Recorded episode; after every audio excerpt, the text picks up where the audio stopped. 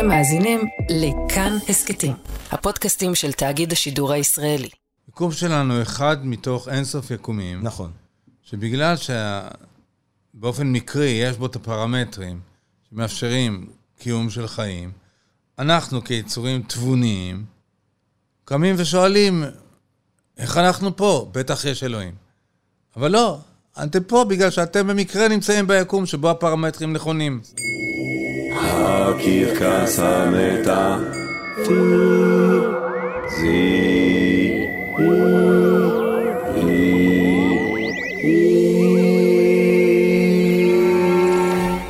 עם ג'רמי פוגל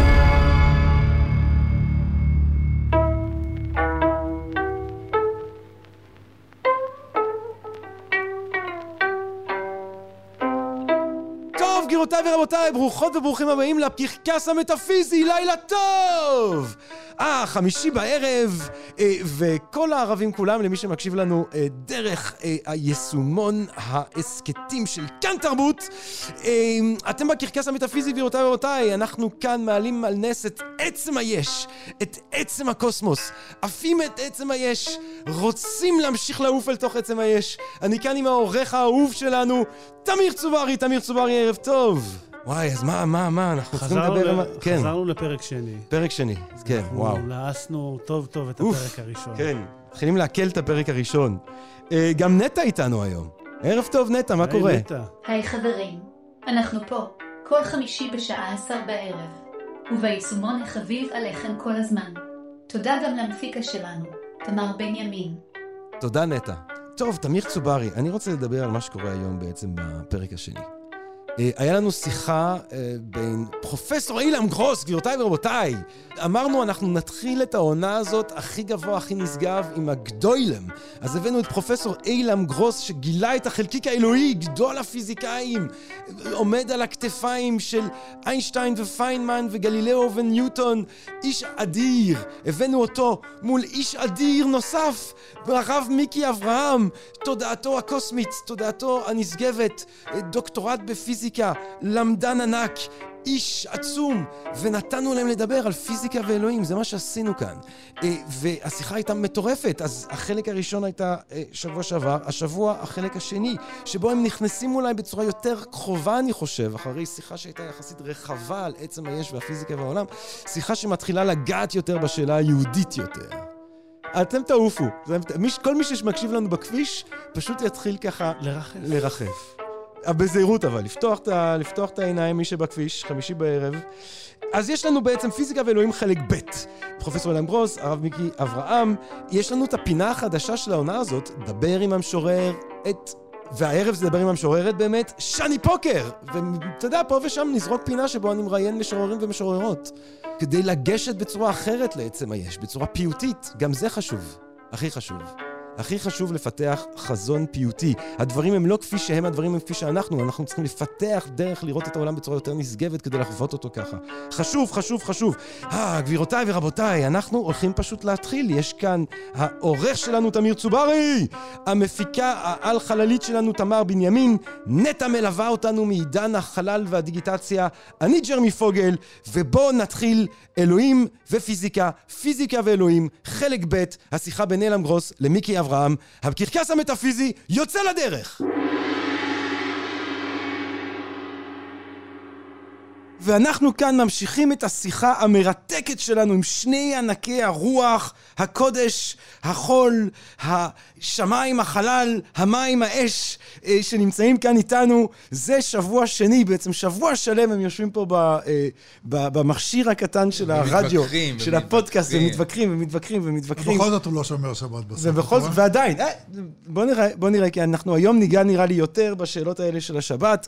עומד משמאלי, גבירותיי ורבותיי, הרב מיכאל אברהם, דוקטור לפיזיקה, רם מכון הגדול לתורה של אוניברסיטת בר אילן, אלוהים כן משחק בקוביות. אה, אלוהים משחק בקוביות זה ספר שהוא רלוונטי במיוחד מבין שלושים ועוד הספרים שכבוד הרב כתב, וכפי שאני אוהב להגיד, כבוד הרב מיכי אברהם הוא רב גדול, גם במימדיו הגבוהים, אבל בעיקר באיכויותיו האינטלקטואליים, הרוחניים, והמדד הטוב ביותר זה תלמידיו, הרבים והמבריקים אחד-אחד. כל פעם שאני פוגש אה, אדם צעיר שרואה את עצמו כתלמיד אה, של מיכי אברהם, אני יודע שיהיה לי הזדמנות לשיחה מעמיקה, מלאת בסקחנות, מלאה בפתיחות רועש ובחריפות, וזה המחמאה הכי גדולה שהיקום, אני חושב, יכול לעשות אה, למורה גדול כמוך. עומד מימיני, גבירותיי ורבותיי, אגדה בעודו חי, המיק ג'אגר של המדע הישראלי, פרופסור אילם גרוס, פיזיקאי, פרופסור לפיזיקה חלקיקית במכון ויצמן למדע. ניהל את הקבוצה שגילה את החלקיק האלוהי, גבירותיי ורבותיי! מה עוד צריך להגיד? הבן אדם הזה גילה את הדבר האחרון שידענו איך לחפש אותו. בתחום הזה של החלקיקים, החלקיק האלוהי, הבוזון היגס, בסרן אה, בשוויץ, זה הופך אותך בעצם, אילם, לאחד מהאנשים שתרמו למסע האנושי להבנת הפיזיקה, מטאלס ועד לאילם גרוס. זה כיף לי לעמוד לידך ולהיות שותף לרגע לקיום איתך שוב. אילם רוס. טוב, אז שבוע שעבר, כזכור, אנחנו בעצם הגענו למצב כזה, שבו מיכי אברהם מסכים עם לפלס, לא זקוק לאלוהים כשעושים פיזיקה, אבל ברמה הפילוסופית, עצם חוקי הפיזיקה מבחינתו כן צריכים יסוד, שקראנו לו אלוהים, שהוא אינטליגנציה יוצרת בורט. אילם גרוס חושב שאין סיבה להניח הנחה כזאת, הוא לא מוכן גם לפסול את העניין הזה של רגרסיביות נצחית, זאת אומרת, יכול להיות שהדבר שיצר את הדבר, יצר דבר שניצר, שנוצר, שנוצר, שנוצר, שנוצר, ולא בהכרח צריך שיהיה צו שהוא הצו של כל הצווים בסוף.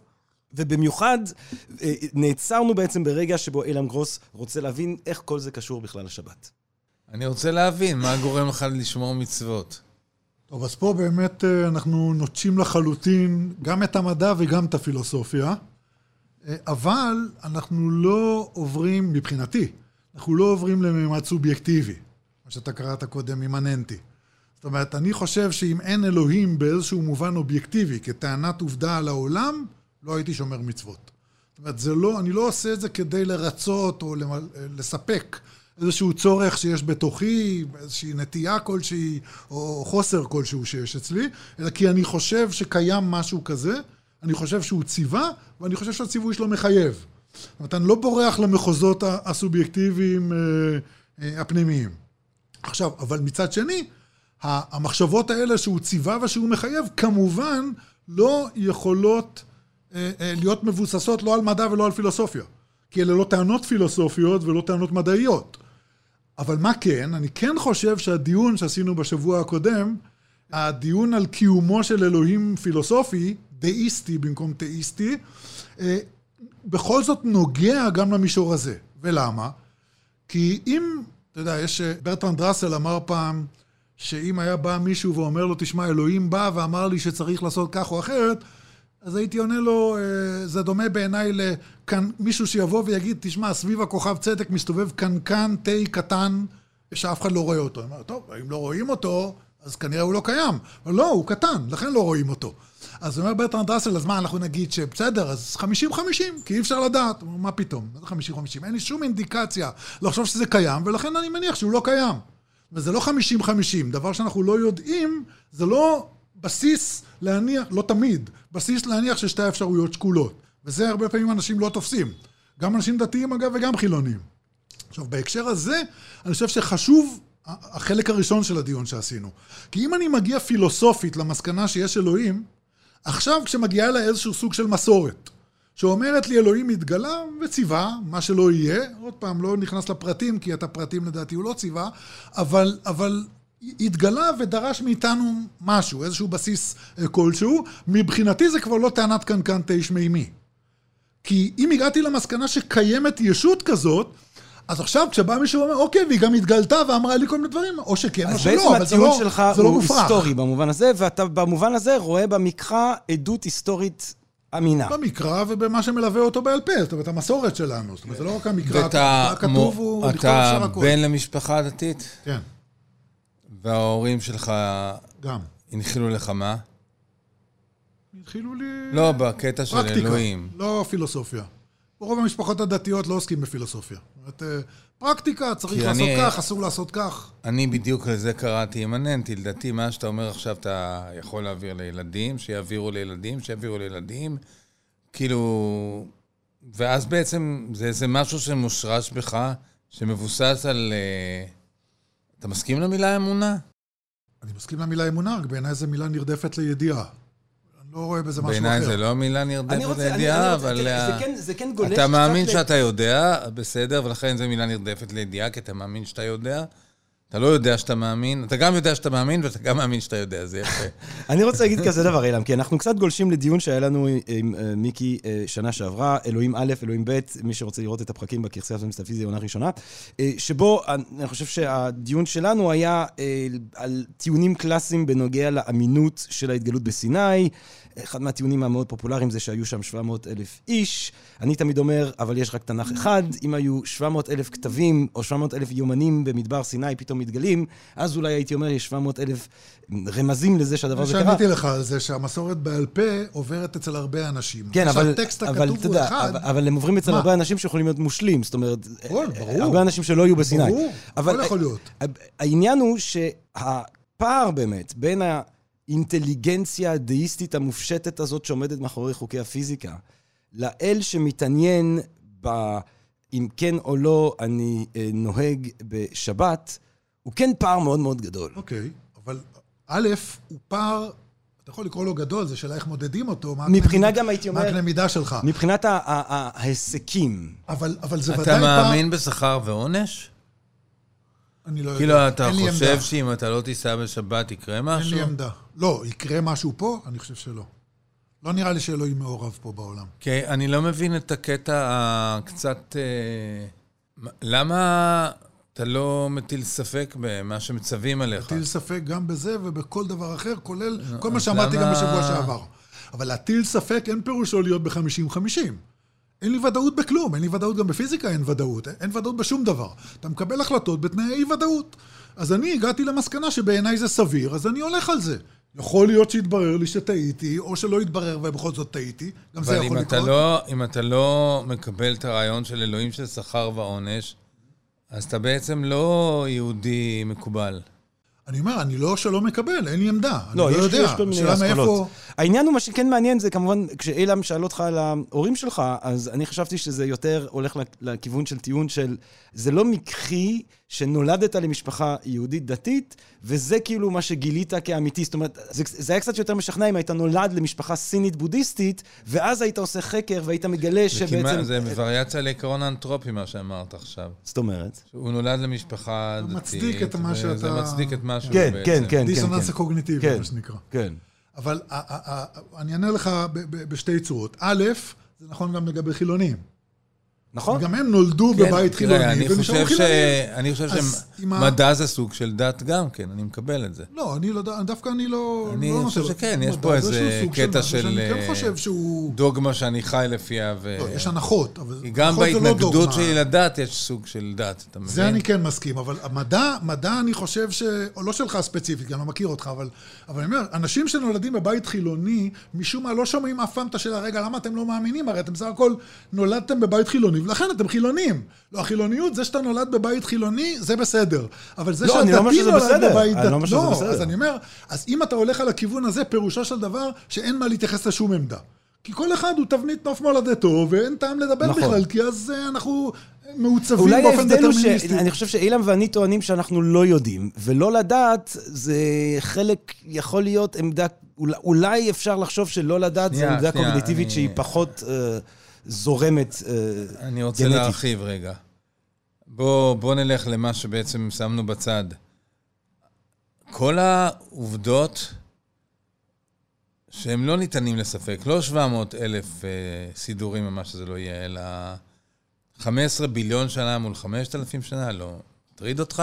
או שאתה מוצא לעצמך טיעונים שמסדרים את זה? מה זה לא מטריד? ברור שזה מטריד, אבל יש לי טיעונים שמסדרים את זה, וזה לא... בסופו של דבר זה לא מפריע לי. החלקים שעוסקים בבריאה, בתורה, כשקוראים אותם, זה כבר מריח איזשהו סוג של מיתוס. בניגוד לחלקים מאוחרים יותר שהם אז למה לא יותר- לחשוב שכל התורה היא מיתוס אחד גדול? כי, כי זה לא נראה כך, והמסורת לא אומרת כך. זה בהחלט נראה ככה. אוקיי? זה כבר בייחוד התרשמות.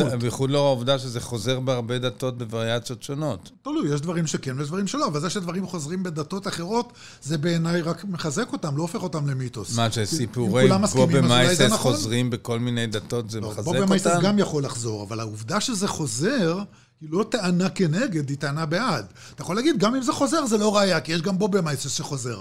אבל עצם העובדה שזה חוזר, היא לא טענה נגד, היא טענה בעד. אז זה א', וב', אני- הטענה ש- שאני רוצה לומר, זה מה שהתחלתי להגיד קודם, זה שהמפגש הזה, אמרת, המרחק הגדול בין האלוהים המופשט, הפילוסופי, לפרקטיקה הדתית. אז א', המרחק הוא לא כל כך גדול כמו לפני שהיה, כשהוכחתי את קיומו של אלוהים פילוסופית. הוכחתי לשיטתי, זאת אומרת, משהו שמשכנע אותי, אוקיי? אז המרחק כבר הצטמצם. ב', יש איזשהו סוג של מסורת שמגיע אליי, ש... אם לא הייתי מניח את קיומו של אלוהים ברמה הפילוסופית, אז הייתי אומר זה קנקן תה שמימי.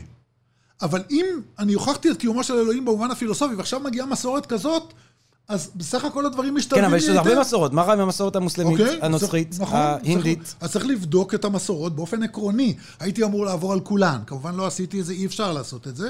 אז אתה מקבל החלטות בתנאי אי-ודאות. אז אתה אומר, אוקיי, אתה עושה איזשהו מיון ראשוני. אני רוצה אומר, רגע, אתה בטח קראת את המאמר שלי, אמרת קודם. יש שם התייחסות גם לטיעון שלך, ואני פשוט שחזרתי לי, כי אמרתי לך, כבר עברו הרבה שנים מאז. התייחסות לטיעון הזה, שים לב איך שאתה כמעט הפלת אותי, ועכשיו פתאום קלטתי שאתה הפלת אותי כמעט. אמרת לי שאתה הוכחת לעצמך את קיומו של אלוהים ברמה הפילוסופית, והסברת לי ולג'רמי קודם, שבא מזה ש... תסתכל מה שיש סביב, זה לא יכול להיות סתם, נכון? אז זה הטיעון, האם כל מה שקורה סביב זה הוכחה לקיומו של אלוהים? אתה מבין שלא. פה אנחנו- אני מבין שכן, אבל אנחנו לא, חוזרים לדיון לא, הקודם. זה בדיוק הסיפור של גשם ועננים. האם זה שבהינתן גשם יש עננים, אומר המותנעת. שב... בדיוק, אומר אה, אני שבהינתן לא מסכים עננים לטיעון יש של גשם? ההסתברות המותנה, גם מה למה אתה לא שכתבת שם. מסכים איתו? אז אני אגיד לך, כי הוא מניח את המבוקש. מה זה הרי מניח את ה- ה- המבוקש? המכפלה של הסתברות מותנה היא בהסתברות שיש אלוהים. נכון, אז נכון. בשביל להפוך את ההתניה מ-A בתנאי B ל-B בתנאי A, אתה צריך להכפיל את זה. נכון, בהסתברות שיש אלוהים. עכשיו, אם אתה מניח שההסתברות שיש אלוהים היא נמוכה, אז אתה צודק. אבל זה הנחת המבוקש. אבל אם אני הטענה היא שההסתברות שיש אלוהים, אנחנו לא יודעים אותה. אוקיי, אז אם אנחנו לא יודעים, אז אני הייתי שם שם, עוד פעם, כמובן בלי לדעת, אני הייתי שם שם חצי. עכשיו, ברגע שהייתי שם שם חצי, אתה לא צודק בטיעון שלך שמה. כי אתה מניח שההסתברות הזאת נמוכה. אם ההסתברות היא חצי, אז ההסתברות מתהפכת באותה צורה. זה, זה, זה, זה מת- אה, אבל מסתמצם מכל- מכל הכיוונים אבל זה, בנוסחת אבל בייס. זה ממש unknown, ההסתברות שיש אלוהים. אוקיי. כי בשביל לענות עליה אתה צריך להגדיר מה זה לא, לא, אלוהים. אני לא עונה על ההסתברות, לכן אמרתי. כיוון ששנינו לא יודעים, ויש לנו ויכוח, ואנחנו לא רוצים להניח את המבוקש, אז מה ההיגיון אומר? בוא נשים חצי. אני אני רוצה לקחת את הדיון. רגע... אבל זה בדיוק מה שאתה עושה פה, בדיוק, זה, זה, זה הטאוטולוגיה שאתה מכניס בי ובג'רמי וכל מי שמאזין פה. שאתה אומר שבעצם חצי זה כמו אחד. לא, חצי זה לא כמו אחד. חצי זה משהו. חצי זה חצי, כן. אוקיי. אתה נותן ממשות להסתברות שיש אלוהים. נכון. וזה קצת עבודה בעיניים. אתה אומר שאין, וזה עבודה בעיניים, אז שנינו מניחים את המבוקש. אז אין פה טיעון של הסתברות לא מותנה. מבין, מה זה להניח את המבוקש? לא, אני חושב אתה שיש מניח הבדל- את ההנחה שאין אלוהים, מיקי, או שאין, אבל מיקי- ההסתברות מאוד נמוכה, מיקי, ומגיע למסקנה כן, שאין הוכחה לקיומו. אבל- בסדר, מיקי, מיקי, הנחת את זה. מיקי, יש הבדל בין לא להניח את קיומו של משהו שלשיטתו נגיד של אילם אין סיבה להניח אותו, לבין להניח אותו ולהעניק לו הסתברות. זאת אומרת, אני יכול להגיד אלוהים, אני יכול להגיד חתול מעופף, אני יכול להגיד, אה, היום יש את הספגטי בשמיים. אתה צודק. אפשר לת- אפשר לתת כל מיני, אה, כל בדיה שאני רק רוצה, ואז לתת לה הסתברות, כי אמרתי. לא, אתה צודק, לכן אני אומר, אם... זה לא, זה לא משהו שאני טוען מן השפה ולחוץ רק כדי לנצח בוויכוח. כן. אלא מבחינתי, בתחושה הפנימית שלי, זה שיש רוצה- אלוקים זה לא כמו חתול מעופף. אני באמת חושב שזו טענה שראויה למשקל כלשהו. עכשיו, כיוון שאני לא יודע איזה משקל, אני אומר, אוקיי, בואו ניקח מודל של חצי. אני רוצה, במודל אני של רוצה, חצי, ברשותכם, הטיעון הזה הוא ברשותכם. טיעון טוב. בסדר, גם, אני, אני, הדברים ברורים. אני, ברשות, ברשותכם, אני רוצה שנייה אה, לפנות את התשאול אליך, פרופסור אילן גרוס, ולבדוק איתך את התמונה הפיזית-מטאפיזית של היקום ללא אלוהים. ללא הנח האלוהים, לא רק בתוך הספר של הפיזיקה כמו לפלס, אלא גם אה, חוקי פיזיקה שלא מסתמכים על אה, בורא מטאפיזי על אלוהים. איזה סוג של יקום זה בעצם? תחשוב, יש לנו את, ה, את היקום שלנו, יש את היקומים המקבילים, יש את הממברנות האלה, לא, אתה יודע מה אני חושב, שמתנגשות. ויוצרות... אמרת את זה עכשיו. אני חושב שהיקום שלנו הוא לא מיוחד. בדיוק כמו שכדור הארץ שלנו לא מיוחד, בדיוק כמו שהכוכבים לא, אני מדבר על מיוחדים. עצם היש, לא, תעזוב את לא, היקום. לא, לא, לא, עצם היש. יקום שלנו אחד מתוך אינסוף יקומים, נכון. שבגלל שבאופן מקרי יש בו את הפרמטרים שמאפשרים קיום של חיים, אנחנו כיצורים תבוניים קמים ושואלים, איך אנחנו פה? בטח יש אלוהים. אבל לא, אתם פה בגלל שאתם במקרה נמצאים ביקום שבו הפרמטרים נכונים. סבבה, אני, אני, אני איתך ב... אנחנו הולכים איתך לא, בתמונה שאלת הזאת. אותי, זה היקום, אבל יקום אני- מקרי. אנחנו חוזרים לדיון הקודם. לא, זה בסדר, אבל, אבל, אבל אני לא רוצה, אני לא רוצה אמ, לבחון את ה... אם אנחנו מאמינים או מסכימים או מקבלים את התמונה הזאת. אני רוצה להבין את התמונה הזאת בצורה יותר עמוקה ואת ההשלכות הרוחניות שלה באיזשהו יקום אופן. עם מזל, שיש לנו מזל. י- יקום של מזל של מקריות, אה, מזל או ביש מזל גם. כאילו, whatever, I don't know. אתה יודע, Every night and every morn, some to misery are born. Every morn and every night, some are born to sweet delight. Some are born to sweet delight. Some are born to endless night. זה אותו אחד של To see the world, נכון? נכון. לא, זה פשוט נשמע אותו דבר. נכון, זה, זה מאותו שיר אגב. אה, כן, To The see the auguries world of in a grain of innocence. salt. כן, כן. Every night and every morn, Eternity in an hour. some to innocence are born, some are born to sweet delight, some are born to sweet delight. מי עוד זה זוכר יותר טוב את ויליאם בלייק? לא, אבל הנקודה היא כזאת. אוקיי, תעזוב את היקום. היקום הוא חלק, יש רב יקום, יש הרבה יקומים, כל היקומים ביחד הם בעצם חלק מעצם היש, ממברנות, והממברנות הם חלק ממשהו אחר. חלק מהאינסוף, מה, אבל מה זה הדבר הזה?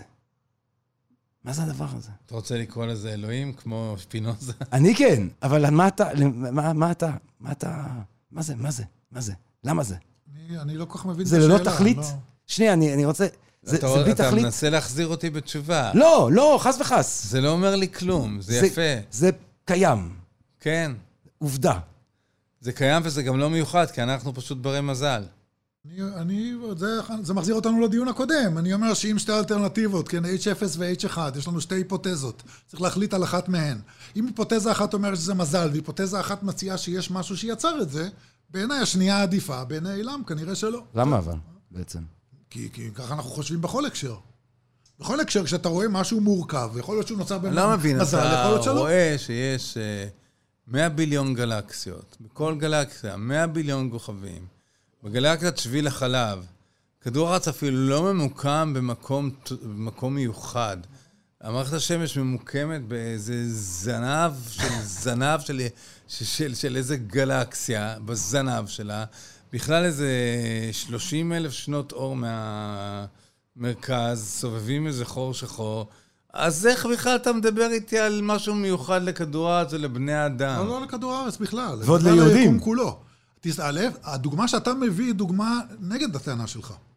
כי אתה הרי טוען שבכל מערכת שהיא ייווצרו יצורים מורכבים, רק אחרים מהיצורים החיים שפה. לא, מה שאני אומר, שבכל מערכת מהסוג הזה ובגודל הזה, יהיה איזשהו כוכב שהוא יהיה מיוחד לכאורה, כי יהיה בו את הפרמטרים ה...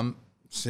אבל, אבל אתה מבין שאם... חיים. שאם מערכת החוקים, חוקי הטבע, ששולטת על כל היקום, לא רק על הכוכב שלנו, על כל... הייתה אחרת, אז לא היה שום כוכב עם חיים. אה, זה קורה לא. ביקומים אחרים. נכון, זה לא מאפשר את זה. אז לכן העובדה שיש מספר, אה, אה, כו- המון כוכבים או גלקסיות לא משנה. מה שיותר רלוונטי זה באמת היקומים האחרים. נכון. אבל זה שיש הרבה כוכבים וגלקסיות זה לא רלוונטי אבל לטיעון. לא. אבל אה, אה, מיקי, זאת אומרת, אם יש לנו שואף לאינסוף יקומים מקבילים, אז אתה יודע, יש יקומים אה, שהם רק אה, גזים, יש יקומים בלי כוכבים, יש יקומים עם כוכבים, יש יקומים... ואנחנו היקום שבו קורה מה שקורה. נכון, רק אני טוען על הטענה, עוד פעם, אנחנו חוזרים לדיון של שבוע כן. שעבר. אבל אם, אם אנחנו מגיעים לתזה הזאת של יקומים מרובים, כן. אז הטענה שלי היא בעצם כפולה, או אולי משולשת כנגד האופציה הזאת. האופציה, האופציה בעיניי של אלוהים בורא הרבה יותר, נקרא לזה, פשוטה וטבעית, מאשר להניח את קיומם של אין סוף יקומים שאנחנו לא מכירים ולא ראינו. לא, אבל... ה- ה- ה- אולי הם שם, אני לא שנייה, יודע. שנייה, אה, הסבר- ממש את אלוהים ראינו, כן? לא, אה. הסברה, אז שנייה, הסברה של יקומים מקבילים, אילם, אה, תעזור לנו כאן, הסברה של יקומים מקבילים היא לא סברה שאין לה שום ביסוס מדעי. אין לה ביסוס מדעי. זה היפותזה. זה היפותזה אבל מדעית. זה היפותזה. כן.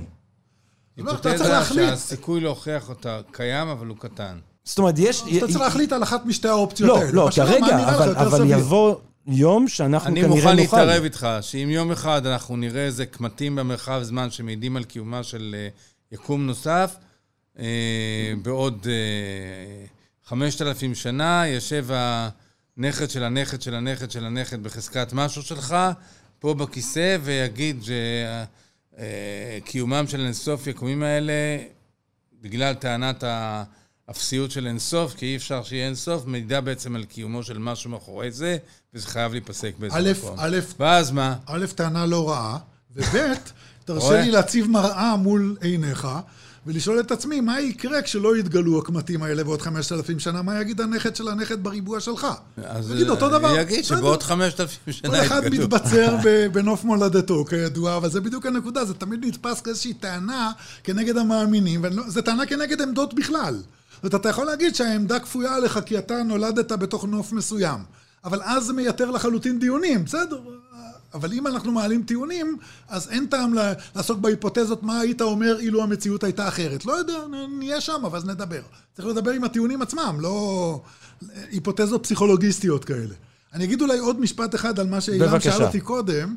אה, זה שנולדתי בבית דתי. אז כן. העובדה שמי שנולד בבית דתי, קורלציה די גבוהה לזה שהוא נכון. בעצם יגדל כאדם דתי, לא קורלציה אחת, אבל היא די גבוהה. כן. וכנ"ל לגבי בית חילוני. אבל צריך לשים לב טוב שהפרשנות שאתה מציע לזה שבעצם הדתיות והחילוניות הם רק תוצאה של איפה שנולדת, לא הכרחית.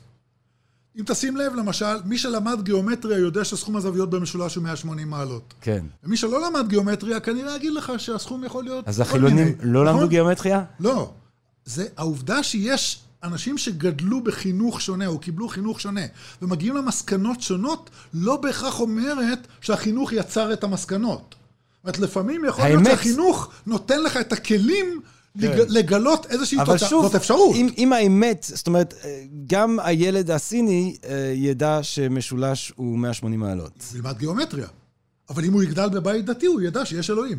ב- לא, אבל אם הוא, יג- אבל אתה יודע, הוא יכול לגלות את 180 המעלות מבלי שיהיה לו יכול גם לגלות אה, את אלוהים. אברהם אה, אבינו יהודי. גילה את אלוהים, יש כאלה שגילו את אלוהים בלי שהיו בבית. כן, אבל זה- משום מה זה פחות קורה בסין, או באינדונזיה. היום לא, היום זה. קורה הרבה, הם לוקחים כן. כל מיני דברים, רודפים אותם, כן, רק עכשיו כן. הייתי באיזה ואז הם הפגנה. מגלים כל מיני דברים. הספר שלך, על מה זה? מה, על אלוהים משחק בקוביות. כן. אני מנסה לעשות שני דברים.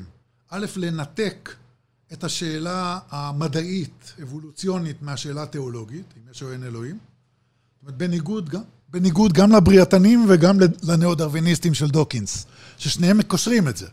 ואני טוען שאין קשר, אתה יכול לגבש את תפיסת עולמך פה ופה, ובשולי הדברים אני גם טוען שהאבולוציה לדעתי מחזקת את הראייה הפיזיקו-תיאולוגית שיש אלוהים. אותו דיסוננס קוגניטיבי שדיברת עליו קודם, אני טוען שזה מחזק את זה ולא מחליש את זה. אבל זה... טוב, בשביל זה צריך להיכנס לעוד דיון, אם אתם רוצים. לא, אני לא יודע, בוא תן את זה אני אגיד, לך, זה. זה דומה מאוד למה שאמרתי קודם. בסופו של דבר, תחשוב, הרי האבולוציה, אנשים חושבים שהאבולוציה היא תהליך עיוור. שרירותי כזה, זאת אומרת, כמובן, אה, יש, יש כללים, יש אה, חוקי טבע וכולי, אבל בתוך הדבר הזה היווצרות של מוטציות. ההישרדות, תהליך ההישרדות או הנסיבות שנוצרות שבהן אתה צריך לעשות אדפטציה ולשרוד, זה משהו שהוא בעצם אה, מקרי. אבל האמת שאין שם א', יש שם מעט מאוד מקריות, אם בכלל, כי הסקלות הביולוגיות, אני לא יודע כמה מקריות יש שם, כפיזיקאים, אה, כן, מקריות אמיתית, לא מקריות של חוסר ידע. מקריות אמיתית יש בסקלות הקוונטיות. זה א', וב', כל התהליך הזה, גם עם החלקים המקריים שלו, קורה בתוך מסגרת של חוקי טבע למה קשיחים. זריקה- זריקת מטבע וה-50% שאתה מקבל עץ אופלי היא לא קוונטית. ברור, וזה גם לא מקרי. היא מקרוסקופית, לא, אבל אה, בדיוק אה, אין שם שום דבר מקרי. רנדומלית, בלי ש... לא, היא לא רנדומלית. שום דבר לא. רנדומלי, זה חוקי ניוטון. תן לי את ה- תן לי את ה- את- את- לא, את לא, אבל הכוח. אין, לא, לא, לא, לא, לא, אין, אין לך את הנתונים האלה, זה לא נכון. אין, כי בגלל כאוס. אבל ברמה העקרונית זה תהליך אין את דטרמיניסטי. הנתונים האלה, זה לא, זה לא, זה תהליך דטרמיניסטי, אבל משת- זה כאוטי. בדיוק הנקודה. גם לא כאוטי פה. בדיוק. לא, יש רגישות לתנאי התחלה, לא משנה כרגע כאוס פורמלית, אבל יש לא, אני רגישות לא גדולה מקבל את לתנאי התחלה. שלך, זה, אני לא מקבל אותו. אנחנו, אנחנו... זה רכיש עובדות. גבירותיי ורבותיי, אנחנו צריכים לסכם את הדיון המרתק הזה שלנו היום. אני אשמח פשוט לקבל מחשבה מסכמת משניכם. אילם, אילם, בבקשה. אני אמשיך לא לשמור את השבת, אני יודע. הוא ממשיך לא לשמור את השבת, הוא מתעקש. משפט מסכם, כבוד הרב. מה שחשוב, אני חושב, בעיקר, וזה הרבה פעמים, אני חושב, אנשי מדע לא מספיק רגישים לזה, זה את ההבחנה בין מדע לפילוסופיה. זאת אומרת, קיומו של אלוהים באמת לא שייכת לתחומו של המדע, בניגוד למה שהרבה בריאתנים חושבים ואתאיסטים חושבים. אתה יכול להיות אתאיסט או מאמין, אבל השיקול לכאן או לכאן לא קשור למדע. יחיה הפילוסופיה. עם זה אנחנו יכולים להסכים. אה, אתה ואני לפחות, יכול להיות ש... לא, לא, יחיה פילוסופיה. יאללה, כולנו. יאללה, אנחנו מסכימים. יחיה הפילוסופיה. אז גומרים בקונצנזוס יחיה. המטאפיזיקה, גבירותיי ורבותיי, תודה רבה לכם, כבוד הרב מיכי אברהם, פרופסור אילם גרוס. אנחנו ממשיכים את הקרקס. תודה רבה לכם, לילה טוב. דבר עם המשורר, דבר עם המשוררת, דבר עם המשורר, דבר עם המשוררת. טוב, גבירותיי ורבותיי, דבר עם המשוררת. שני פוקר, גבירותיי ורבותיי, שני פוקר, שלום. שני פוקר, שני פוקר, שני פוקר, שני פוקר, כן, שני ג'רמי. פוקר. בוא נתחיל עם שיר. יאללה. במקום לומר, גרטה, בואי, מה עשיתי במקום? במקום להושיע גופי מן האבן, במקום להוציא את האבן מגוף, במקום להפקיע שמשות מסודן, במקום לרחם על מלאכת הארץ, הבהלה מן החסר, מילוי האובדן, מה עשיתי במקום לקרוא לה פרקדן? לומר פשוט, בואי גרטה, בואי גרטה, להציבני לרעוד מפני אי-קבלה, להציבני לרעוד מפני קבלה, פשוט לומר, גרטה, לו תבואי, הגוף יעשה. לו לא תבואי, הגוף לא יעשה. וכך או כך יעשה רק מתוך המעש. מה עשיתי במקום? שני פוקר, גבירותיי ורבותיי, שני פוקר. שני פוקר, כן, ערב טוב. ערב טוב. מהי שירה, שני פוקר?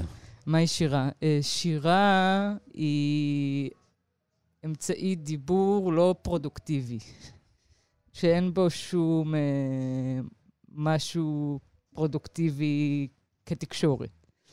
כלומר, בלתי כן, שימושי. כן. השימושיות שלה בלתי שימושי. אז למה? למה לדבר באופן לא פרודוקטיבי? כדי uh, להצליח להגיע למרחבים שאי אפשר להגיע אליהם בשיח uh, פרודוקטיבי, כדי uh, להגיע לעוד uh, אפשרויות מחשבה, לעוד אפשרויות הרגשה, uh, לעוד אפשרויות דמיון.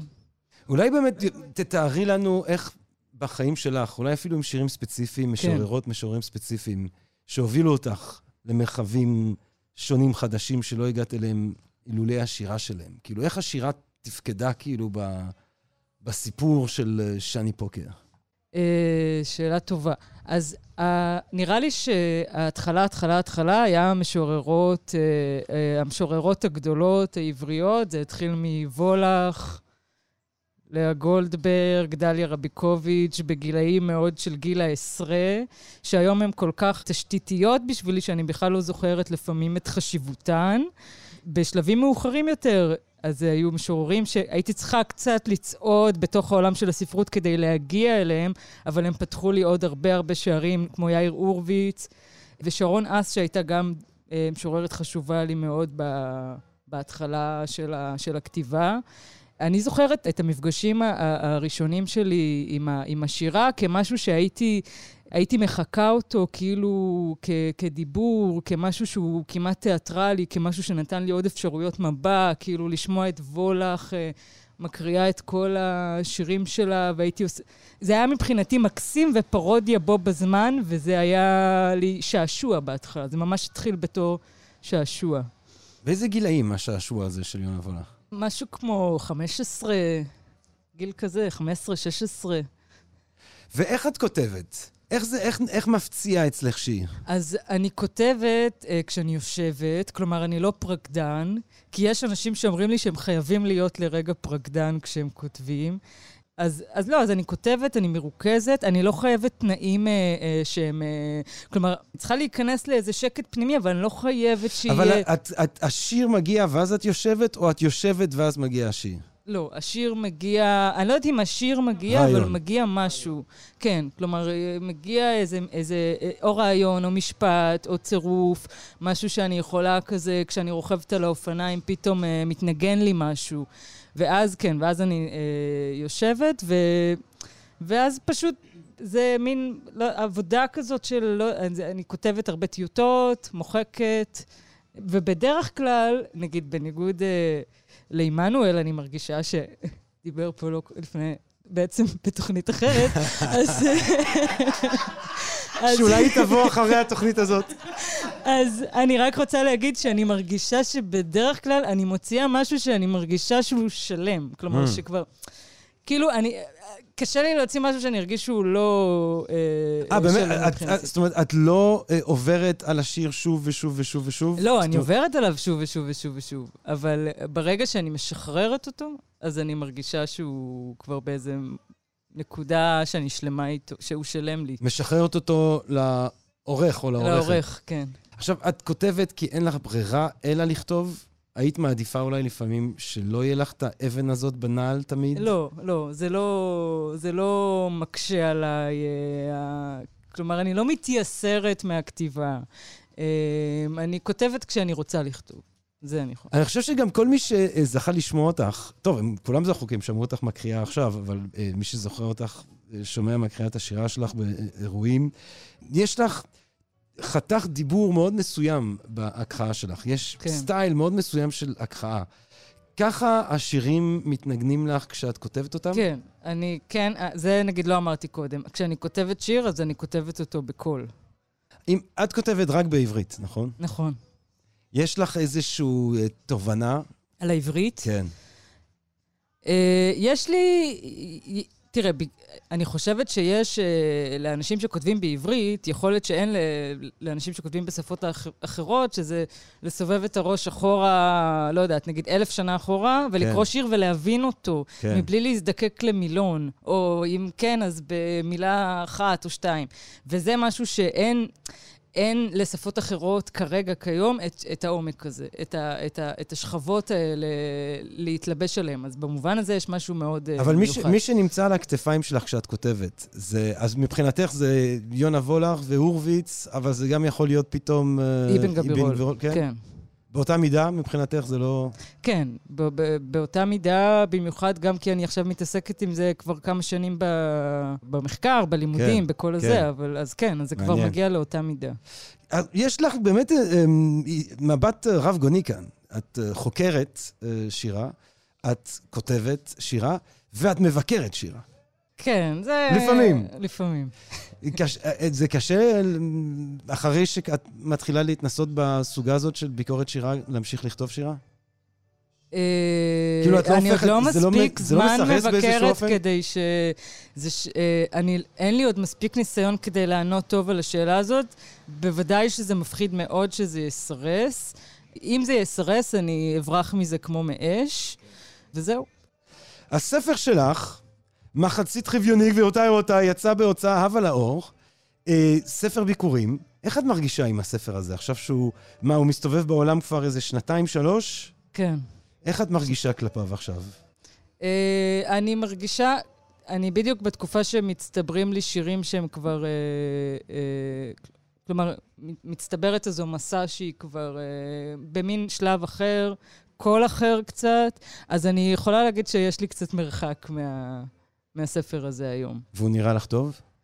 Uh, כן, אני אוהבת אותו. אבל רחוקה ממנו. והיה לי גם רגע שהייתי מנוכרת אליו. כלומר, ונראה לי שכל התחלה של אה, מציאת קול חדש כרוכה בניכור למה שעשית קודם, mm. וזה, עברתי את השלב הזה.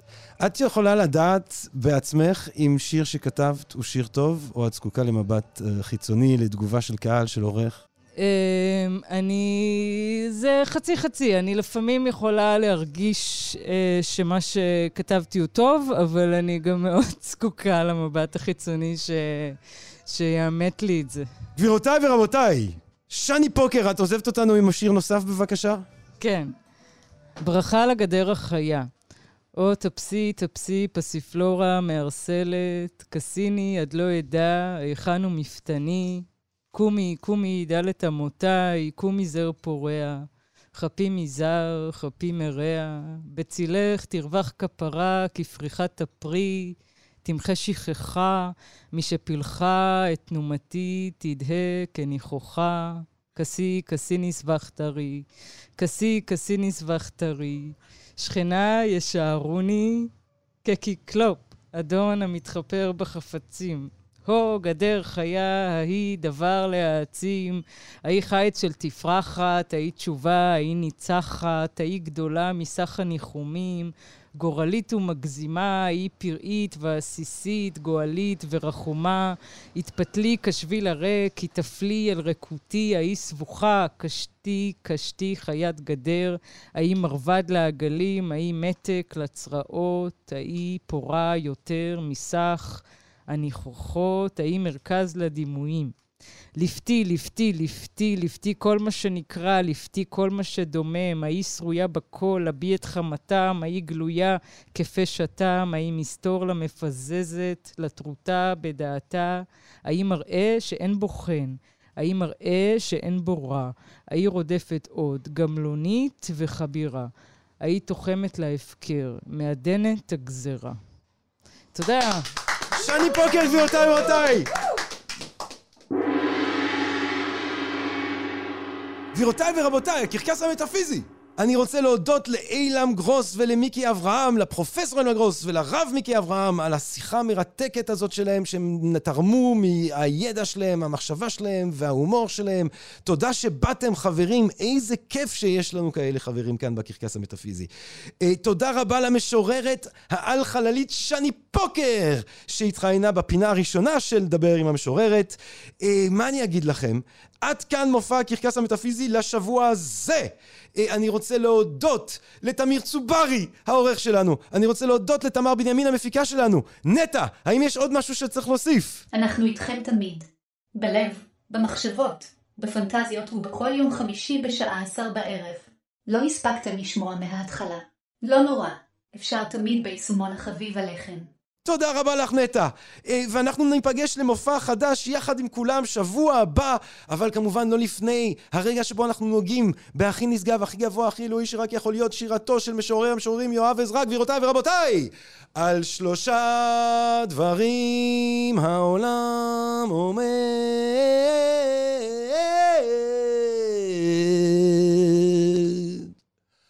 על יואב עזרא ועל יואב עזרא ועל יואב עזרא. פסוקו של יום יואב עזרא, תודה רבה, לילה טוב!